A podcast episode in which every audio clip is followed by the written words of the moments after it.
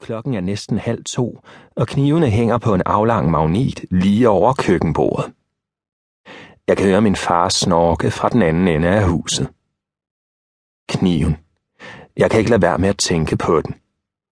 Mor købte magneten, da vi flyttede ind, og så kom den op på den nymalede væg med den moderigtige farve. Seks knive i forskellige størrelser til forskellige formål. Men det er den største, der stikker til mig. Bladet er langt og bredt helt oppe ved skæftet, men alligevel så spidst, at det næsten kan prikke hul i huden, hvis jeg blot lader spidsen hvile på hånden og overlader resten til knivens vægt. Samtidig er den skarp. Min mor har et strygestål. Skarp nok til at smutte gennem kødet, som var det rådent. Jeg kan ikke lade være med at tænke på den, og jeg kan ikke lade være med at stirre på det blanke stål, der ligner is på et vandløb i måneskær. Der er to tanker, der hele tiden støder sammen. Kniven og min far, der snorker inden fra soveværelset. Min mor er der også, med en tung duft af parfume. Til sidst tager jeg fat om skæftet og trækker i kniven, indtil den slipper magneten med et sugende svirp. Det lyder magtfuldt og bestemmende. Kniven er en voldtægtsforbryder, der slipper sit kys. Klokken er halv to, og elkogeren er færdig med at varme vand til min kaffe. Jeg burde være i seng. Det er kun natten til onsdag. Det er skoledag. Men jeg er klar over, at det nok ikke bliver til noget i morgen. Heller ikke i morgen. Jeg går ikke nogen steder hen med kniven. Jeg holder den bare i hånden i et stykke tid for at mærke vægten og balancen.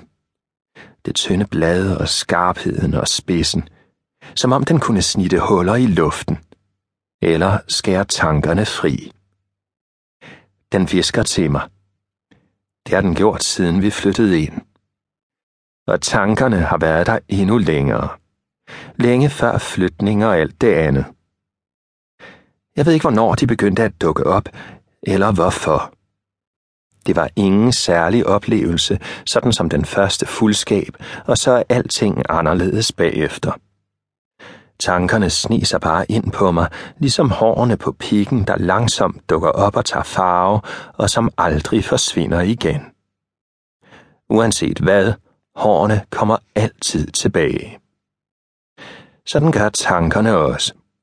Og den store kniv er helt klar over, hvad tankerne indeholder. Den visker det til mig igen og igen. Henne ved døren ligger Hækkels med hovedet på poterne og foregiver at kigge ind i væggen, men han ved med sikkerhed, hvad jeg laver. Han følger altid efter mig rundt i huset, og når jeg standser, venter han på at blive klappet på de massive ribben. Han har set det før, det med kniven. Mor ville helst have haft en lille hund, som ikke var til besvær, men valget var mit, og jeg valgte en cheferhund. Jeg har opkaldt ham efter Mr. Heckles fra Venner, ham den sære, der bor nedenunder. Hvis mor og far skulle vælge, havde han sikkert heddet Cornelius, eller noget med flere navne. Cornelius Conrad måske. Så kunne vi have kaldt ham Coco. Ligesom mig, Charles Albert. Som en bøsse eller en butler fra Anders Sand. Denne kobling var kun en børnetanke væk, da jeg var yngre. Dengang tasken var vendt på hovedet efter frikvarteret, og jeg altid fik papirkugler i nakken, når læreren vendte ryggen til. Charles Albert Ingreen. Butleren Albert eller Bøsse Albert. Valget af det navn fortæller meget om mine forældre. Ligesom navnet Heckles fortæller meget om mig. Venner. Det er en gammel serie, og hvis jeg skulle føre samtaler med de andre i skolen, burde jeg se mange flere serier i fjernsynet. Men jeg kan ikke følge med i, hvad jeg bør se, og det føles ligesom lektier. Far snorker fra soveværelset på sin egen kvalmende måde, provokerende højt. Jeg fatter ikke, hvordan de kan sove i det. Kniven bevæger sig langsomt gennem luften, drejer en enkelt gang og kaster genskær fra vinduets spejl mod mørket bagved. Eggels vipper med ørerne og blinker sløvt, som om han er søvnig. Eller